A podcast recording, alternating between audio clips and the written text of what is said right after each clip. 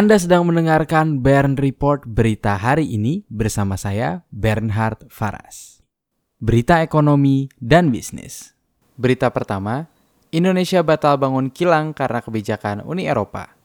PT Pertamina Persero menyatakan rencana kerjasama pembangunan Green Refinery yang akan dilakukan dengan perusahaan minyak dan gas asal Italia ENI dibatalkan. Pembatalan tersebut dilakukan terkait kebijakan Uni Eropa yang melarang penggunaan minyak kelapa sawit dari Indonesia. Kebijakan tersebut membuat ENI meragukan kelanjutan rencana kerjasama tersebut. Untuk melanjutkan kerjasama, kelapa sawit asal Indonesia harus mendapatkan sertifikasi terlebih dahulu dari Uni Eropa. Berita kedua, pembangunan sirkuit MotoGP Indonesia sudah mencapai 40 persen. Indonesia Tourism Development Corporation atau yang biasa disebut ITDC mengatakan pembangunan sirkuit MotoGP Indonesia di Mandalika, Nusa Tenggara Barat telah mencapai 40 persen. Direktur Utama ITDC, Abdul Bar M. Mansur, mengatakan pihaknya masih mempersiapkan konstruksi jalan. Targetnya, proses pengaspalan dilakukan pada bulan Juni mendatang. Proses pengaspalan akan dilakukan dengan sangat hati-hati karena sirkuit ini akan digunakan untuk area balap motor dengan kecepatan yang sangat tinggi. Gelaran MotoGP Indonesia di Mandalika rencananya akan dilaksanakan pada tahun 2021 mendatang. Berita ketiga, proses pembangunan Bandara Kediri sudah dimulai. Proses pembangunan bandar udara di Kabupaten Kendiri, Jawa Timur saat ini sudah dimulai. Staf Kementerian Koordinator Bidang Kemaritiman dan Investasi Mayor Infanteri Bagja Sirait menyatakan alat berat sudah mulai bekerja dengan tahap awal pengerukan tanah untuk jalan menuju lokasi bandara. Rencananya bandara tersebut akan disiapkan untuk konektivitas daerah dan keperluan ibadah haji. Selain itu, pembangunan ini juga akan memberikan efek domino secara ekonomi seperti membuka lapangan pekerjaan bagi masyarakat Kediri.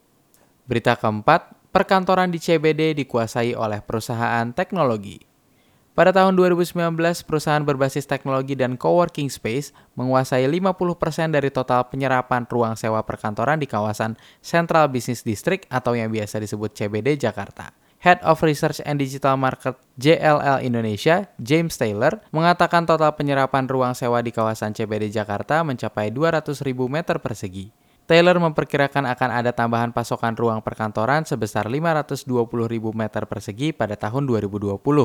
Sejalan dengan itu, tingkat okupansi ruang kantor akan cenderung menurun pada tahun 2020 dan diproyeksi baru akan pulih pada tahun 2021. Berita kelima, kucuran insentif ke investor kini mengalir lewat BKPM.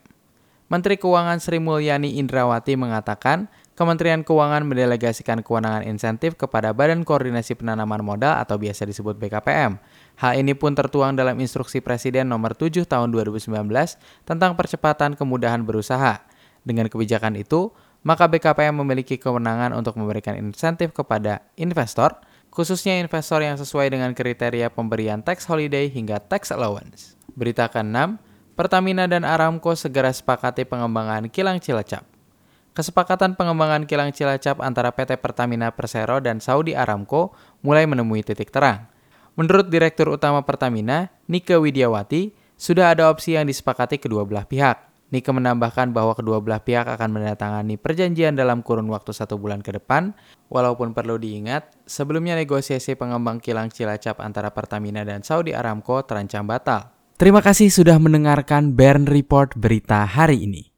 Jangan lupa untuk membagikan kanal ini kepada kerabat Anda, tekan tombol like dan subscribe untuk mendapatkan kabar terkini setiap pagi dari hari Senin hingga hari Jumat pada pukul 6.30 waktu Indonesia Barat. Saya Bernhard Faras pamit undur diri, Semangat selalu dalam menjalani hari ini.